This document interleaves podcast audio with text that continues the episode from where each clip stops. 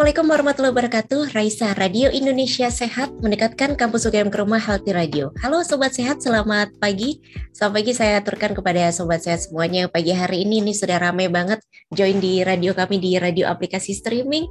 Tak lupa juga selamat pagi untuk Sobat Sehat semuanya yang pagi hari ini sudah mentengin uh, website kami di radioindonesiasehat.com. Tak lupa juga selamat pagi untuk Sobat Sehat yang berada di Zoom meeting kami di program Bincang-Bincang Santai Raisa Radio. Pagi hari ini kita ketemu lagi di bincang-bincang santai. Gimana puasanya sobat sehat? Semoga lancar-lancar saja dan tanpa tanpa terasa kita sudah puasanya sudah beberapa hari lagi. Kita sudah menuju lebaran. Nah, Pastinya pada saat Lebaran nih, sobat sehat itu adalah momen yang uh, ditunggu-tunggu saat kita berkumpul dengan keluarga, kita uh, ketemu gitu ya, temu kangen bersama dengan keluarga besar, dan juga momen juga untuk kita icip-icip makanan-makanan yang uh, warna-warni, macam-macam, unik-unik semua. Nah, tapi ini sobat sehat pada saat Lebaran ini kita berbahagia jangan sampai juga kita jadi uh, sedih karena bulan ini kadang melonjak pada saat Lebaran. Nah, pagi hari ini sobat sehat saya Galuh uh, bersama dengan Raisa Radio akan mengajak Anda semua untuk gimana kita mengatur pola makan kita agar tetap sehat, terapkan gaya hidup sehat usai puasa. Tidak hanya makanan saja tapi bagaimana gaya hidup yang sehat setelah kita 30 hari berpuasa. Kita akan ngobrol bersama dengan narasumber kami yang luar biasa yang uh, sudah tidak asing lagi nih sobat sehat. Ada Dr. Mirza Hapsari Titis Menggalih Sarjana Gizi Master of Public Health Registered Dietitian atau Bu Mirza dari Departemen Gizi Kesehatan FKKMK UGM. Dan Sobat Sehat, pada kesempatan pagi hari ini Bu Mirza akan ditemani oleh Ibu Setia Utami Wisnu Santi, Sarjana Gizi Master of Public Health atau Ibu Santi. Dan Sobat Sehat untuk Anda yang mau bergabung yang lagi di rumah yang pagi hari ini masih bersantai-santai di rumah, Anda tetap masih bisa uh, bergabung bersama dengan kami selama satu jam ke depan untuk bertanya langsung melalui WhatsApp kami di 0858 8065 5970. Sekali lagi 0858 8065 5970 untuk WhatsApp dan untuk Anda yang di website boleh dituliskan di website dan bagi Anda sobat sehat yang pagi hari ini uh, bergabung melalui Zoom boleh langsung bergabung melalui chatbox di Zoom atau resen saja. Silakan menyimak selama satu jam ke depan sobat sehat untuk Ibu Santi kami persilahkan. Baik, terima kasih Mbak Galuh. Selamat pagi Sobat Sehat semuanya. Semoga dalam keadaan sehat dan baik semuanya ya. Oke, mungkin langsung saja uh, sebelum kita masuk ke ngobrol-ngobrol nih, pagi ini kita akan ngobrolkan tentang terapkan gaya hidup sehat usai puasa. Kita sapa dulu narasumber kita pagi hari ini.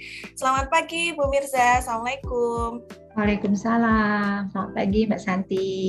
Ya, terima kasih Bu atas kesediaannya hadir pada pagi hari ini. Gimana Bu? Kabarnya Bu? Sehat? Alhamdulillah sehat. sehat Ini udah ya? ya udah semakin bahagia ya mestinya karena kan sekarang pandemi udah dibuka kita bisa lebih uh, apa bebas kita bisa lebih bisa beraktivitas dengan normal ya mestinya sekarang ini jadi mestinya ya. semua sahabat Raisa juga harus semangat dan lebih bugar dan sehat gitu. Alhamdulillah, apalagi mau menyambut Lebaran ya Bu ya. Ah betul. Ya, udah menuju Lebaran nih, Alhamdulillah. Yeah. Sebentar lagi uh, puasa berakhir, kita Lebaran dan kembali ke aktivitas normal nih Bu Mirza. Nah mungkin nanti Bu Mirza bisa memberikan saran-saran kepada kami. Wah, apa nih yang harus hati-hati setelah puasa ini? Bagaimana yeah. gaya hidup sehat yang harus kita lakukan? Yeah. Oke, okay, Bu Mirza, mungkin saya mulai dengan satu pertanyaan ya Bu. Uh, Mungkin sebelum masuk ke nanti periode setelah usai puasa ya Bu ya. Saat kita puasa itu Bu Mirza, sebetulnya apa sih Bu yang terjadi di dalam tubuh kita? Ada perubahan mungkin metabolisme atau seperti apa sih Bu? Oke, baik uh, Mbak Santi. Uh, jadi ketika kita berpuasa itu satu hal yang pasti terjadi perubahan adalah yang pertama waktu makan kita, ya hmm, kan? Waktu ya. makan kita pasti berubah. Yang tadinya kita bisa sarapan, jadi harus maju di waktu yang lebih pagi. Kemudian yang tadinya kita makan siang, jadi tidak melakukan makan siang, bahkan snacking juga tidak kita lakukan. Tentunya minum juga pastinya tidak kita lakukan. baru nanti menjelang uh, ber, apa saat kita mau berbuka puasa. Artinya frekuensi makan kita pun juga akan berpengaruh ya kan. Yang tadinya bisa tiga kali per hari atau mungkin lebih, ya kita akhirnya bisa hanya dua kali per hari. yang dua kali per hari, tetapi memang masih ada waktu-waktu untuk snacking. Cuman kan kenyataannya bertambah usia yang saya lihat sih uh, frekuensi makannya berkurang ya Mbak Santi. Kalau dulu kita masih muda itu ber, begitu berbuka makan segala macam tuh masih bisa gitu. Sekarang tambah usia tuh ternyata teh sama kurma sama itu udah cukup gitu. Artinya di situ juga akan terjadi ber, beriringan dengan bertambahnya waktu ternyata kapasitas pencernaan juga mengalami perubahan ketika uh, menghadapi uh, waktu berbuka gitu kan. Hmm. Nah, kemudian selain tentang makan uh, dan konsumsi cairan yang berubah, tentunya uh, ritme tidur juga berubah ya Mbak Santi hmm, karena ya. kita harus bangun lebih awal gitu kan. Kemudian nanti biasanya habis subuhan itu kita menjadi nggak sangat ngantuk gitu kan. Nah, terus kemudian apa namanya kalaupun bisa bertahan biasanya nanti di kantor jadi ngantuan gitu makanya sampai disebut tidurnya orang berpuasa itu ibadah gitu ya. Karena sebenarnya uh, perubahan waktu tidur tadi yang tadinya kita bisa maksimal di 8 jam kita harus cut mungkin hanya di enam jam apalagi kalau yang sangat rajin 10 hari terakhir ngejar Lailatul Qadar wah udah itu makin banyak lagi amalan-amalan ibadah yang uh, dikejar sehingga terjadi perubahan waktu tidur Nah, jadi uh, otomatis uh, dengan begitu ya, dengan berkurangnya uh, waktu makan, kemudian ber, berubahnya waktu tidur, pasti akan mempengaruhi uh, metabolisme tubuh atau kondisi di dalam tubuh seseorang. Kira-kira begitu, Mas Hamsi. Oke, baik. Berarti memang ada pola-pola yang berubah gitu ya, Bu ya, dari sebelum puasa.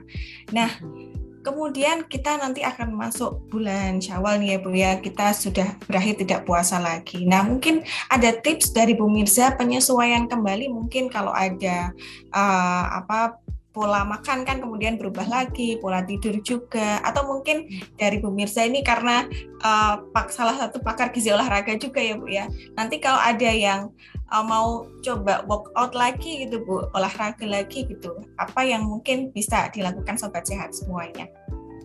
Oke, baik. Jadi uh, apa namanya saat berpuasa tadi kan sebenarnya uh, benefitnya banyak ya Mbak Santi. Jangan sampai benefit-benefit itu hilang gitu ya setelah kita uh, masuk apa bulan suci Ramadan eh bulan suci kok bulan suci sih apa Idul Fitri ya Idul Fitri nah uh, biasanya uh, investasi kita uh, terkait puasa itu kadang-kadang rusak hanya dengan tiga hari Mbak Santi ya kan? Oh, uh, lebaran uh, lebaran tiga hari kita berkunjung dari satu keluarga ke keluarga dan kita juga punya kebiasaan kalau berkunjung nggak makan itu nggak sopan gitu ya nggak menghargai nggak menghargai yang punya rumah gitu. Jadi mau nggak mau kan kita pasti tetap mencicipi. Padahal dari rumah ke rumah selalu menunya itu adalah menu-menu yang memang uh, enak sekali sih tapi memang biasanya yang enak itu selalu tinggi lemak gitu kan hmm. tinggi kalori gitu yeah. nah sehingga uh, tipsnya di sini kan karena tadinya kan kita sebenarnya uh, lambung uh, itu juga punya sudah penyesuaian dengan makan yang sebenarnya nggak iya. perlu terlalu banyak maka sebaiknya pada saat uh, masuk di Idul Fitri itu uh, ya kita mengkonsumsinya sewajarnya aja. Jangan aji mumpung ah kemarin udah membatas-batasi terus sekarang aku mau membayar hutang gitu ya. Jangan gitu ya. Uh, dan uh, lebih bijaksana lagi ketika berkunjung memang tetap harus dinikmati ya hidangannya tapi harus bisa menghitung lah Mbak Santi jangan terlalu over karena uh, apa namanya kalau uh, sehari aja kita berkunjung di lima keluarga kita sudah lima kali makan itu nanti ya makanya hmm, yeah. ngambilnya sedikit-sedikit aja dan apabila memang dirasa cukup kita bisa memilih hidangan lain yang lebih menyehatkan contohnya misalkan kalau di sana ada buah atau ada sayur ya lebih baik memilih yang itu daripada uh, apa menu-menu yang memang uh, khas sekali di uh, Idul Fitri itu selalu ada ya contohnya. Kemudian terkait uh, kue-kue segala macam. Ya itu kan emang selalu ada ya di bulan suci itu. Eh di bulan Idul Fitri. Ya, ya. bulan suci Ramadan terus ya ingatnya ya. Itu karena kan uh, yang tadinya meja kita kosong tuh selalu aja ya Mbak Santi ada ada iya, isinya. meja tamu kita itu selalu lengkap gitu. Nah ini tentunya eh, tanpa kita sadari duduk sambil ngobrol sambil konsumsi itu uh, kita harus waspada juga karena uh, jumlahnya kecil tapi kalorinya tuh besar gitu ya. Jadi meskipun makan cuma 5 biji nastar atau apa itu sebenarnya kalorinya juga cukup besar. Nah, itu kita harus bijak juga hati-hati. Sehingga harapannya dengan pola seperti itu eh, kita tidak ter, eh, nggak ngalami yoyo efek ya udah bagus ngalami penurunan tapi habis itu langsung naik naiknya malah lebih dari berat badan yang kemarin gitu saat awal puasa. Nah itu kan oh. yang, yang kita inginkan ya. Karena rata-rata rata-rata sih memang orang puasa itu turun 2 eh, sampai tiga kilo ya ya. dalam dalam satu bulan berpuasa. Uh, ada ada yang bisa sampai 4 kilo tergantung sih ya. Tapi memang ya kalau berdasarkan teori dengan pembatasan kalori 500 kalori per hari kan memang uh, satu minggu bisa 500 gram ya penurunannya. Jadi kalau satu bulan berarti paling nggak dua kilo ya. Tapi kan respon metabolisme orang beda-beda. Cuma nanti begitu kita lebaran dengan makan nggak terkontrol itu biasanya balik lagi bisa bisa lebih dari ketika kita menurunkan berat badan karena puasa. Jadi hmm. tipsnya adalah jaga porsi, jaga pilihan makan pada pada saat setelah uh, puasa ini nanti dan nanti di saat Lebaran ketika berkunjung uh, lebih bijaksana dalam memilih uh, makanan yang akan dikonsumsi.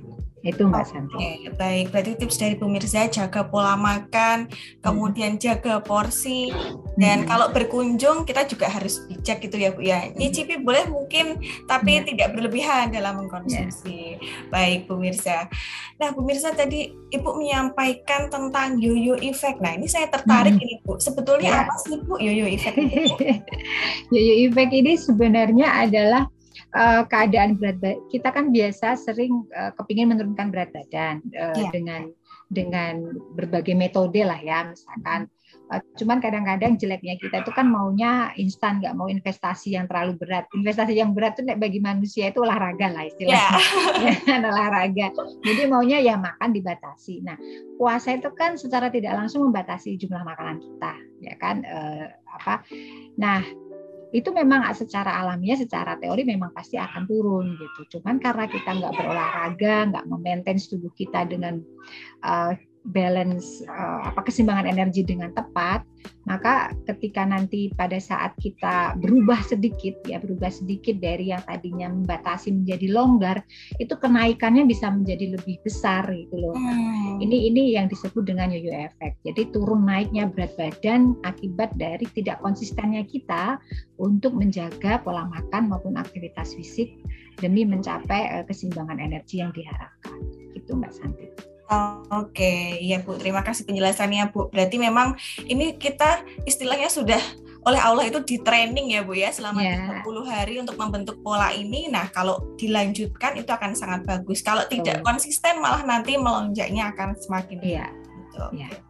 Baik Bu Mirza. Nah tadi Ibu juga menyinggung tentang olahraga gitu ya Bu. Nah untuk uh, sobat sehat semua nih Bu, misalnya ada yang ingin menurunkan berat badan kan selama puasa sudah dua kilo mungkin mau diteruskan. Nah, saat kita uh, bulan Syawal itu di awal-awal, mungkin kalau waktu Ramadan libur dulu gitu ya Bu. Nah, kalau mau mengawali lagi Bu untuk olahraga, mungkin ada saran enggak dari Bu Mirza? Uh, mungkin olahraga yang bisa kita pilih atau frekuensi dan durasi seperti apa Bu? Ya, baik. Oke baik. Sebenarnya pada saat berpuasa pun kita tidak perlu sampai off sekali dengan berolahraga ya. Karena hmm. uh, kita bisa adjust uh, terkait dengan durasinya uh, kemudian uh, timingnya. Misalkan biasa kita olahraga pagi nah ini kita bisa diganti jamnya menjadi uh, sebelum berbuka misalkan ya kan? Kemudian uh, misalkan kita biasa olahraga uh, satu jam mungkin kita pada saat puasa 30 menit sehingga uh, tubuh itu uh, tetap selalu bergerak dan bugar meskipun dengan kadar yang berbeda pada saat puasa.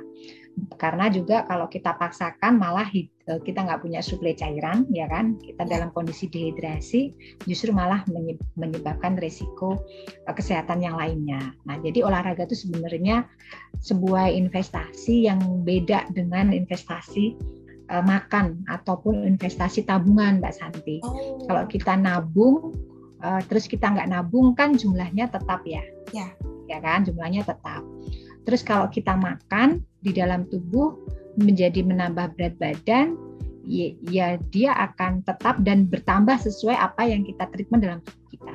Nah kalau olahraga itu nggak bisa ditabung gitu. Jadi olahraga itu begini, kalau kita sudah aktif berolahraga, terus misalkan dari olahraga level kebugaran 5 menuju ke level kebugaran 6 gitu ya. Terus kita rajin lagi menuju level kebugaran 7 Nah, terus kita stop nih Mbak Santi. Ya. Ini enggak terus kita berada di level kebugaran 7 gitu. Oh, kita pasti akan turun ya. lagi di level oh. kebugaran 5. Starting kita tuh di berapa gitu. Oh. Kan bisa jadi lebih rendah dari itu. Itulah kenapa olahraga itu investasi yang nggak bisa di on off kan. Gitu. Jadi nggak bisa enak-enak kita. Terus kayak ada sistem rapelan ya. Misalnya olahraga. Saya sekarang mau olahraga kuat itu nggak bisa. Karena olahraga itu sifatnya kontinu eh, frekuensi terukur kemudian dengan tipe olahraga tertentu durasi tertentu. Jadi memang men, men, apa, memenuhi prinsip FITT jadi frekuensi intensity time and type gitu ya. Jadi memenuhi prinsip itu. Nah maka ketika kita uh, sudah masuk ke uh, Lebaran ini, di mana waktu kita menjadi lebih longgar untuk untuk mengisi bahan bakar tubuh kita berolahraga, kayak sebaiknya segera mungkin untuk mengembalikan aktivitas kita yang sudah biasa itu ke dalam uh, aktivitas sehari-hari gitu ya. Nah misalkan pun uh, terpaksa kita harus berlibur ya Mbak Santi mudik ini kan semua pada mudik ya sekarang mudik udah diperbolehkan uh, dari satu uh, misalkan harus keluar kota ya sempatkanlah olahraga meskipun hanya uh, sebentar atau mungkin hanya uh, mungkin nggak se nggak se apa nggak sehebat biasanya. Atau cukup jogging atau cukup jalan uh, apa skipping atau mungkin stretching itu juga sudah cukup. Artinya jangan sampai uh, tubuh kita itu benar-benar uh, stop dengan gerakan-gerakan olah tubuh. Karena nanti khawatirnya justru kalau kita sudah ada di level tertentu malah menjadi turun ke level yang investasi yang hilang gitu ya. Itu sih yang uh, disarankan untuk konsep olahraga. Oke, baik pemirsa. Berarti sebetulnya puasa ini juga bisa ya Bu ya uh, berolahraga, tapi mungkin bisa. ya kita apa ukur diri gitu ya Bu ya apa yang yeah. bisa dilakukan gitu dan nanti memasuki bulan Syawal bisa langsung kembali ke ritme olahraga yang biasanya dilakukan. Oke. Dan mungkin kalau di kita pulang kampung di desa gitu mungkin sam, jogging sambil keliling apa persawahan gitu seru mungkin ya, ya. jalan kaki menikmati jalan pemandangan. Kaki, ya, gitu menyapa tetangga gitu. Ya. Jadi sekalian silaturahim sekalian kita juga bisa menyisihkan waktu untuk olahraga. Nah, pemirsa ini ada beberapa pertanyaan nih Bu yang sudah masuk okay. ke chat box. Uh, mungkin saya bacakan uh, pertanyaan pertama ini Bu dari Halimah Fausta. Selamat pagi Radio Raisa, temanya bermanfaat sekali karena lebaran biasanya banjir makanan ya. Pemirsa, izin bertanya, bila di rumah saudara ada keripik yang berminyak dan kue-kue kering, lebih yeah. beresiko yang mana ya Bu? Karena semuanya enak kan. yang sering kita temui Bu. Bagaimana yeah. mungkin ada uh, masukan dari pemirsa? Baik, uh, jadi sebenarnya saya nggak mau menyalahkan makanan ya, karena makanan itu kan uh, apa namanya ob, apa ya objek ya kan. Makanan itu kan objek. Penentunya kan si subjeknya subjeknya itu kita kan penentunya kita. Jadi uh, uh, yang berbahaya itu ketika kita makan berlebihan gitu. Entah itu uh, makanan yang sayuran apa-apa lauk-lauk itu kalau berlebihan juga jadi berbahaya. Demikian makanan-makanan yang snack tadi yang disebutkan itu juga kalau berlebihan jadi berbahaya. Itulah tadi pesan saya adalah bijak kalau uh, mengkonsumsi keripik dan teman-temannya ya jangan satu kaleng habis gitu ya. itu kan minyak terserapnya ya, minyak terserap dalam keripik itu kan cukup tinggi. Uh, coba kita bikin peyek aja tuh, peyek kita bikin peyek uh, setengah kilo tepung misalkan. Itu minyak terserap satu liter itu bisa loh ya. Jadi minyak bikin peyek itu cepat habis. Kerupuk juga demikian. Artinya memang renyah, enak, gurih, tapi memang di situ lemak tersimpannya cukup besar. Nah itu kita harus hati-hati sehingga ya uh, kalau kerupuk ya cukup satu, jangan kerupuk digado uh, sampai habis uh, setengah toples gitu kan. Terus apa kalau nastar atau teman-temannya lah ya nastar kastengel itu kan kita tahu ya di situ kan adonannya memang selain terigu ada margarin yang cukup besar keju gula ya kan dan kalau kita bikin satu resep itu kan paling cuma jadi setengah kilo, ya kan? Nah, setengah kilo itu kan berarti satu toples. Padahal ya. itu komposisinya kalau kita lihat setengah kilogram gandum, um, menteganya ada 150 gram, telurnya satu butir, kejunya kita bisa nambahin 100 gram, gulanya 100 gram, itu kan udah kalorinya tinggi gitu. Nah, padahal uh, makan satu toples nastar itu bisa habis sendiri, itu kan dikira kayak makan kacang ya kecil kecil kecil gitu kan. Nah itu berapa kalori sendiri kan? Nah, maka kita istilahnya tuh kalau lebaran tuh sifat kita mindsetnya icip-icip aja gitu loh. Hmm, jangan icip jangan menikmati. Jadi kalau nastar kita coba satu kastengel coba kita satu nanti kan masih ada pukis-pukis yang lain ya. Itu modelnya icip-icip aja gitu. Karena itu kalau di total nanti bisa jadi sama dengan sekali makan kita secara kalori, tapi densitasnya kan eh, cuma tinggi, cum, uh, tapi nggak padat ya di pencernaan kita, sehingga kita tetap masih merasa lapar. Akhirnya kita Paham, makanlah makan makanan padat gitu supaya uh, rasa kenyangnya itu terpuaskan. Akhirnya kan jadi double-double kalorinya. Jadi intinya bijak dalam mengambil makanan secara jumlah maupun jenisnya. Baik Bu. Berarti memang harus uh, kontrol diri ya Bu ya. Jangan ya. makanannya, kita yang harus kontrol juga ya. memilih dan mengkonsumsi secara uh, consideration. Baik Bu, ini ada pertanyaan lagi Bu. Uh, Bu, bagaimana membedakan lapar mata dan lapar perut nih dari Mas ya? Bagaimana okay. ibu, kok seperti belanja ya lapar mata? Saya tuh kalau lapar mata itu bukan di makanan Mbak Santi, tapi oh, iya, Bu. bener-bener di mall itu ada oh. apa apa itu lapar mata. kalau makanan itu enggak lah. Jadi kalau bicara masalah makan kan kita sudah diajarkan ya makan sebelum uh, lapar dan berhenti sebelum kenyang kan istilahnya sudah diajarkan begitu artinya makan tuh ya secukupnya nah sehingga uh, indikatornya adalah di perut sebenarnya dan uh, uh, meskipun uh, perut itu orang juga respon terhadap rasa laparnya kan sangat dipengaruhi oleh hormon ya Mbak Santi ya. ya. Jadi kalau uh, apa namanya ada orang yang sebenarnya takarannya cuma 100 gram nasi misalkan, tapi karena dia hormon laparnya cukup tinggi masih kurang, padahal sebenarnya dia cukupnya di 100. Nah, oleh karena itu eh, sebenarnya yang eh, kita sudah punya aturan baku yang disebut dengan angka kecukupan gizi ya. Dan angka kecukupan gizi uh, orang dewasa pada umumnya baik laki-laki maupun perempuan range-nya itu di 1900 sampai 2400 ya. Beda laki beda perempuan misalnya laki-laki lebih tinggi sedikit daripada perempuan. Nah, dari angka tersebut sudah diajarkan bagaimana memenuhinya melalui isi piringku, ya kan? Berapa porsi karbohidrat, berapa porsi lauk nabati, hewani, sayuran, buah, itu sudah ditentukan. Nah, kita patuh aja terhadap itu. Nah, itulah uh, angka kecukupan kita sebagai seorang individu sehat gitu. Lah lain halnya kalau kita ternyata seorang atlet atau yang aktif melakukan olahraga maka pasti nggak akan cukup diberikan makanan seperti uh, dalam jumlah yang uh, apa namanya sesuai dengan kita yang nggak aktif berolahraga.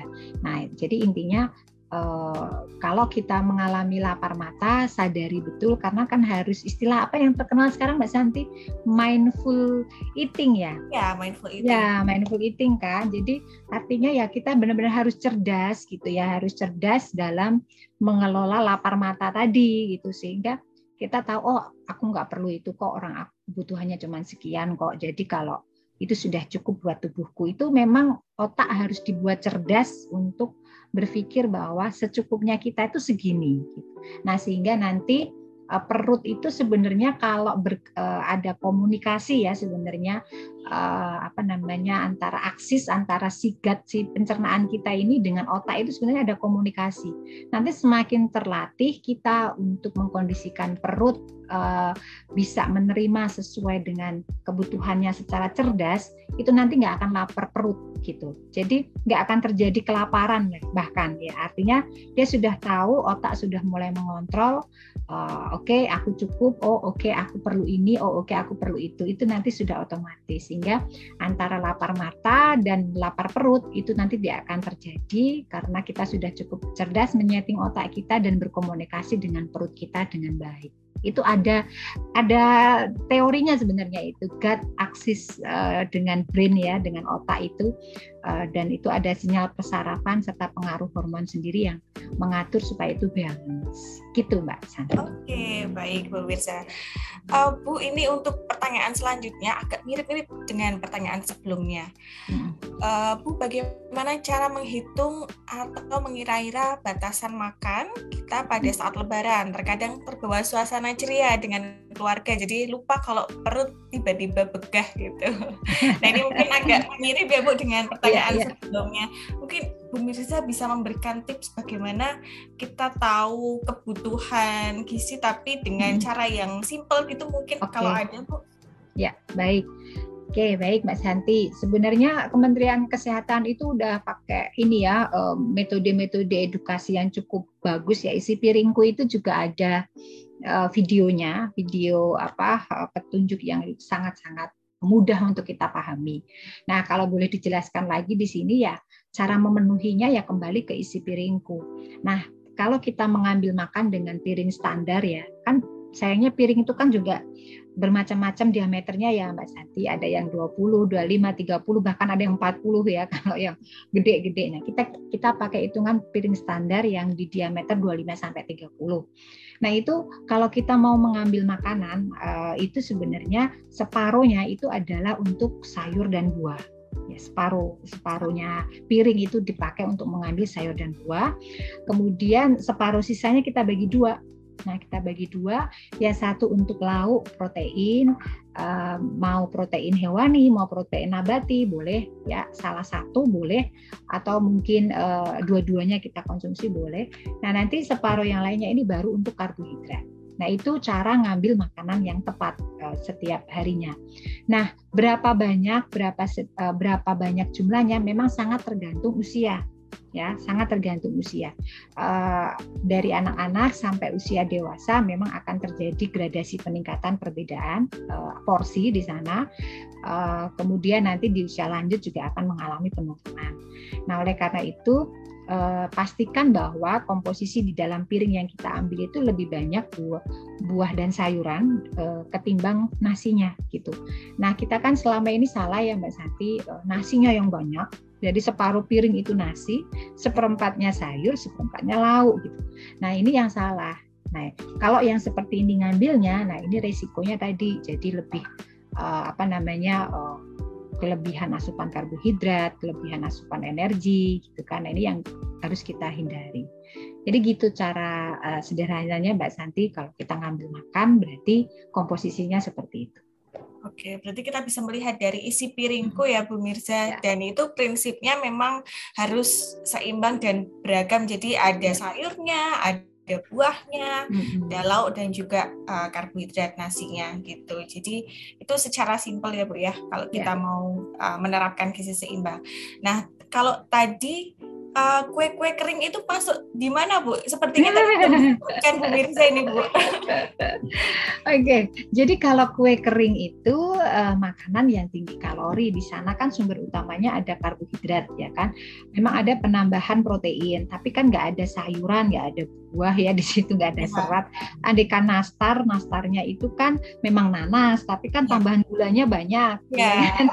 jadi bukan buah nanas segar gitu kan. Nah, jadi itu uh, uh, termasuk dalam golongan makanan yang tinggi kalori gitu ya, makanan yang tinggi kalori uh, dan makanan manis tinggi kalori gitu.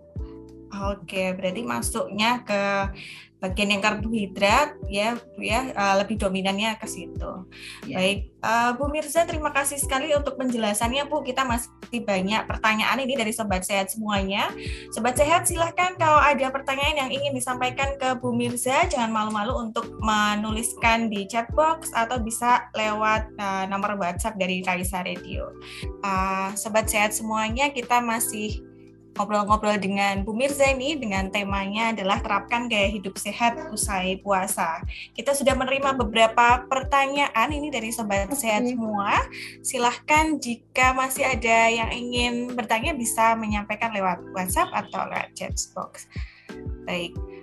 Bu Mirza, ini masih seru ini Bu, sepertinya uh, Sobat Sehat mau tahu uh, gaya hidup sehat seperti apa yang harus kita terapkan seusai puasa.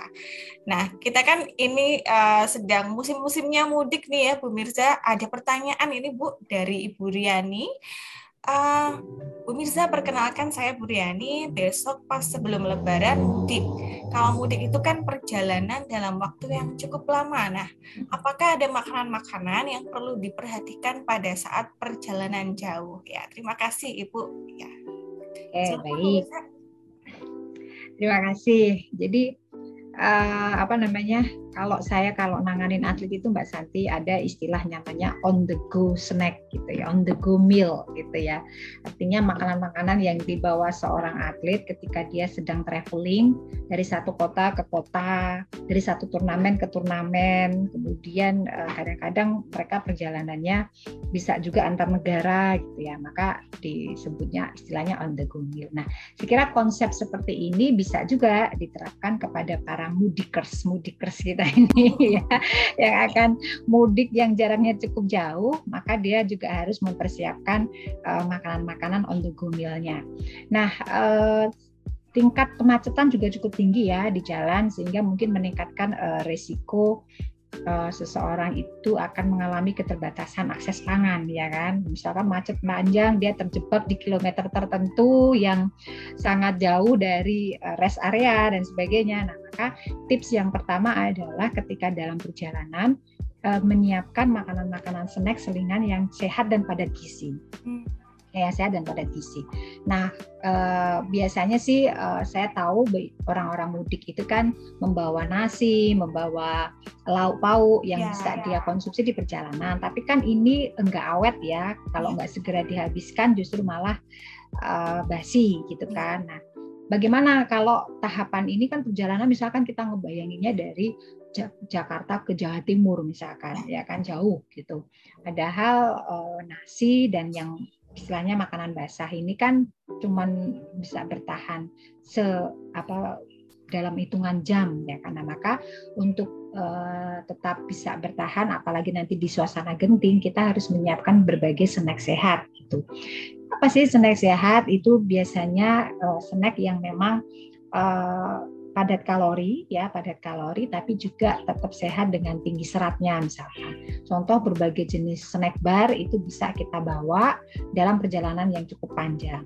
Kemudian eh, apa eh, yang tidak kalah ini buah-buahan yang sifatnya bisa bertahan lama dalam perjalanan juga bisa menjadikan alternatif kita untuk bisa eh, apa tetap menjaga perut jangan sampai kosong. Karena kalau kosong nanti jadi masuk angin jadi malah nggak nyaman perjalanannya jadi lemes lah semuanya ya kan? Kemudian uh, selain itu contohnya sih biasanya yang sering dibawa kalau nggak jeruk apel atau pisang biasanya ya dalam perjalanan itu. Tapi sebenarnya ada satu tips ya uh, buah salak itu cocok untuk perjalanan terutama untuk membuat perut uh, menjadi turun asamnya sehingga dia tidak mudah mabuk gitu ya. Itu buah salak sebenarnya. ya, buah salak tuh punya manfaat itu. Jadi kalau sempat bisa mencari buah salak maka buah salak itu bisa dibawa untuk perjalanan. Nah kemudian yang nggak kalah penting minuman ya mbak Santi. Nah ini suka jadi isu nih. Kalau kita bawanya air putih itu khawatir kencing ya kan di ya. perjalanan.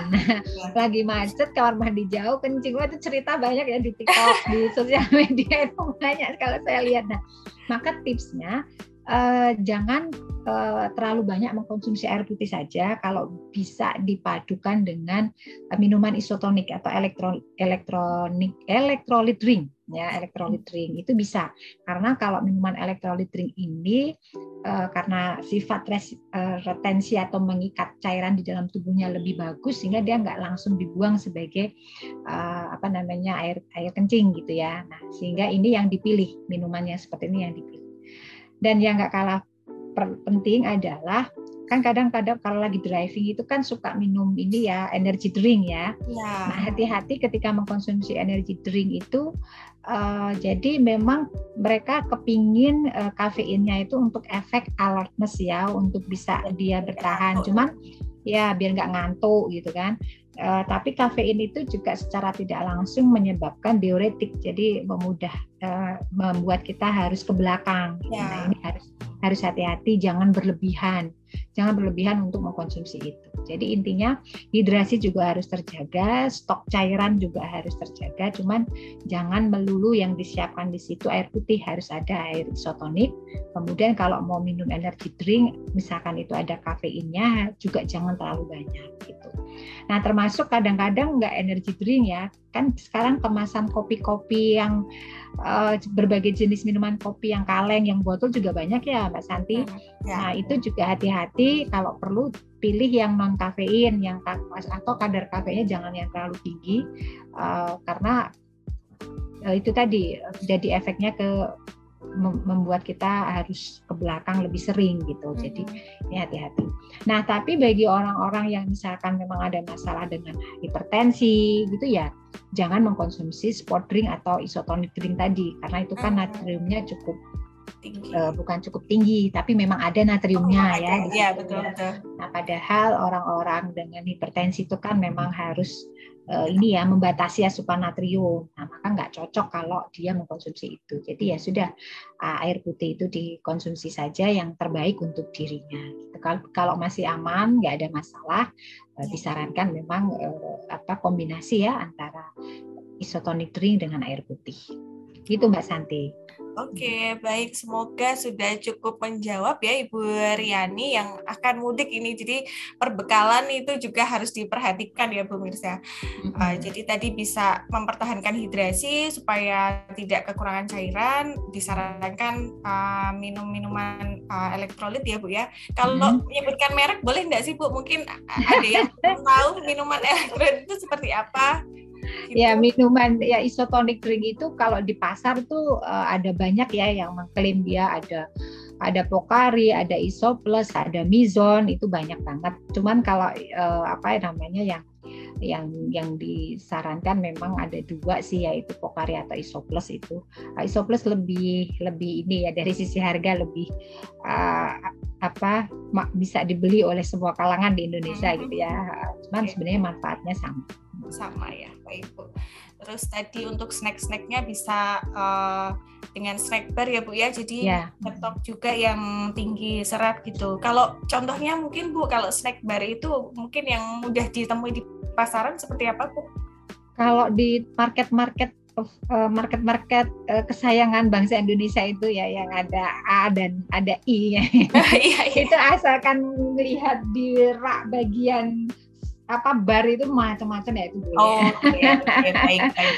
itu udah banyak kan sekarang udah udah udah banyak di pasar tingkat uh, toko yang tingkat uh, kecil itu pun sudah banyak dijual jadi ya, harusnya sih enggak enggak enggak sulit untuk didapatkan ya Oke baik. Nah, tadi juga bisa dilengkapi dengan uh, bekal-bekal uh, buah-buahan ya Bu ya. Yeah. Selama perjalanan juga bisa dikonsumsi. Baik, selanjutnya ini ada pertanyaan dari Mas Ilham Akbar. Selamat pagi Mas Ilham. Uh, Bu Mirza, apakah bila ada sajian lebaran seperti es buah atau salad buah uh, karena ini sama-sama buah juga begitu Bu. Bagaimana kalau ada es buah atau salad buah begitu Bu dalam sajian yeah. lebaran? Baik, gimana kalau ada itu ya?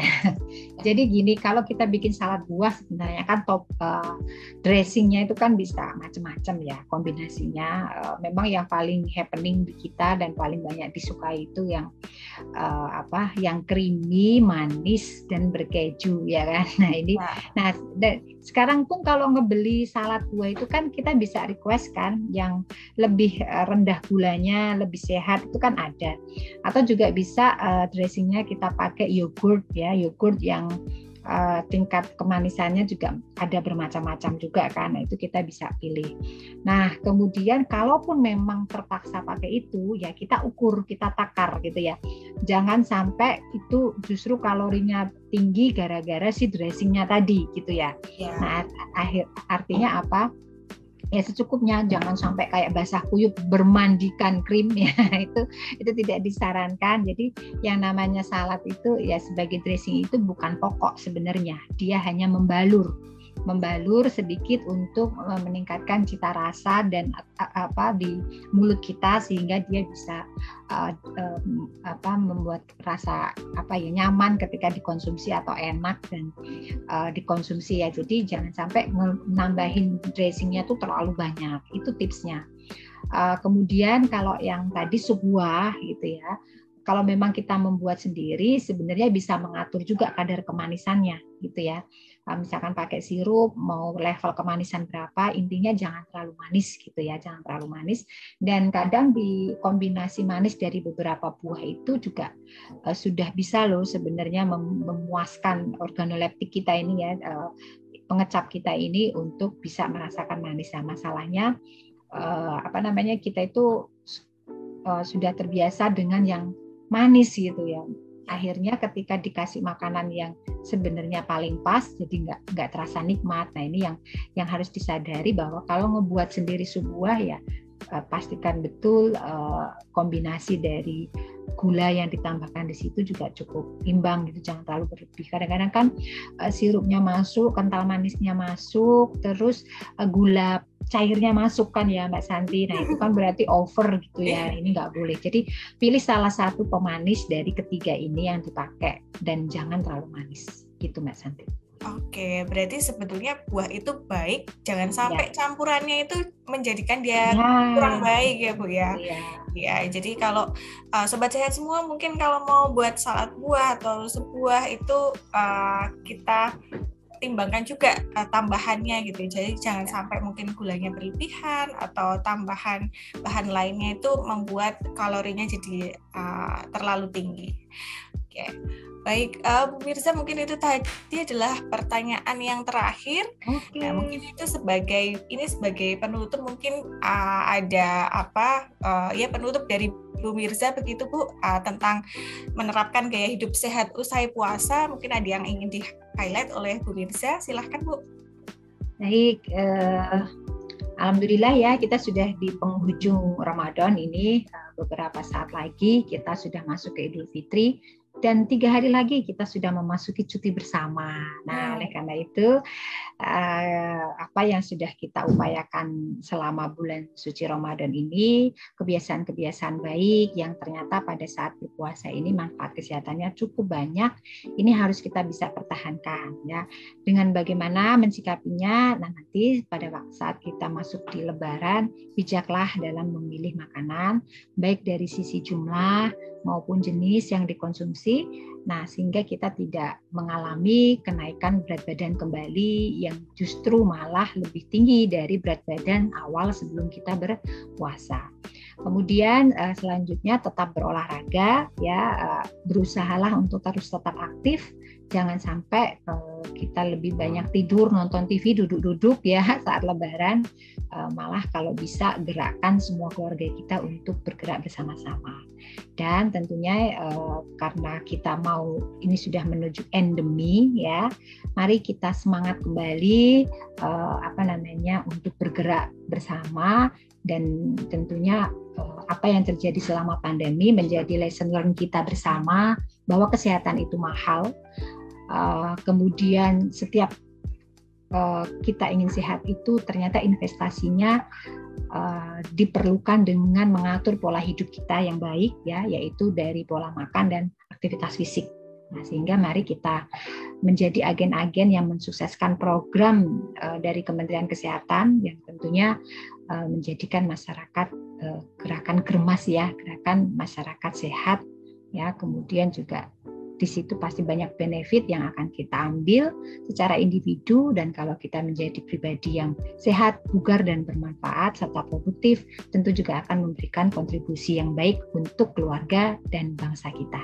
Itu saja Mbak Santi penutup untuk uh, Raisa hari ini. Oke, uh, baik sobat sehat semua. Obrolan kita pagi hari ini ini sudah uh, sampai di penghujung acara. Jadi uh, mudah-mudahan apa yang kita sharingkan pagi hari ini nanti kita diberi kemudahan juga untuk mengimplementasikannya seusai puasa nanti ya. Mudah-mudahan sobat sehat semua selalu sehat dan bugar uh, saat puasa maupun setelah puasa nanti. Baik, uh, kita nanti akan uh, bertemu lagi di topik-topik selanjutnya. Saya kembalikan ke Mbak Galuh. Terima kasih. Baik, terima kasih banyak Ibu Mirza dan juga Ibu Santi atas ilmunya pada kesempatan pagi hari ini. Matur sangat Ibu, selamat berhari raya, sehat selalu Bu Mirza dan juga Bu Santi. Sobat sehat gimana nih? Sudah ada catatan-catatan ya kira-kira apa yang perlu diperhatikan nanti pada saat uh, berlebaran? Ada rambu-rambu untuk diri sendiri gitu ya. Tadi yang uh, poinnya dari Bu Mirza dan juga Bu Santi ya sobat sehat bahwa kita harus pandai-pandai juga untuk membaca diri kita agar nggak tiba-tiba kekenyangan gitu. Harus pintar-pintar mengontrol diri. Jadi uh, semoga uh, menambah wawasan untuk kita semua sobat sehat dan juga selamat berhari raya, selamat berliburan panjang juga. Terima kasih atas kebersamaan Anda sobat sehat yang mendengarkan di radio, di website ataupun di Zoom meeting kami. Mohon maaf apabila ada sobat sehat yang sudah bertanya namun belum terjawab ya. Dan untuk sobat sehat yang baru saja bergabung tenang saja karena Anda masih bisa mendengarkan kembali obrolan santai Bu Mirza dan juga Bu Santi di pagi hari ini di program Raisa Radio melalui Spotify kami di Spotify di Raisa Radio UGM, Radio Indonesia Sehat. Sekali lagi kami ucapkan terima kasih kepada Ibu Mirza dan juga Ibu Santi sudah berbagi pada kesempatan hari ini. Sehat selalu Ibu, salam untuk keluarga di rumah. Terima kasih banyak Sobat Sehat, saya Galuh mohon berserta dengan kru yang bertugas, mohon pamit undur diri. Uh, mohon maaf apabila ada kesalahan pada saat acara berlangsung. Terima kasih banyak, selamat berlebaran. Wassalamualaikum warahmatullahi wabarakatuh.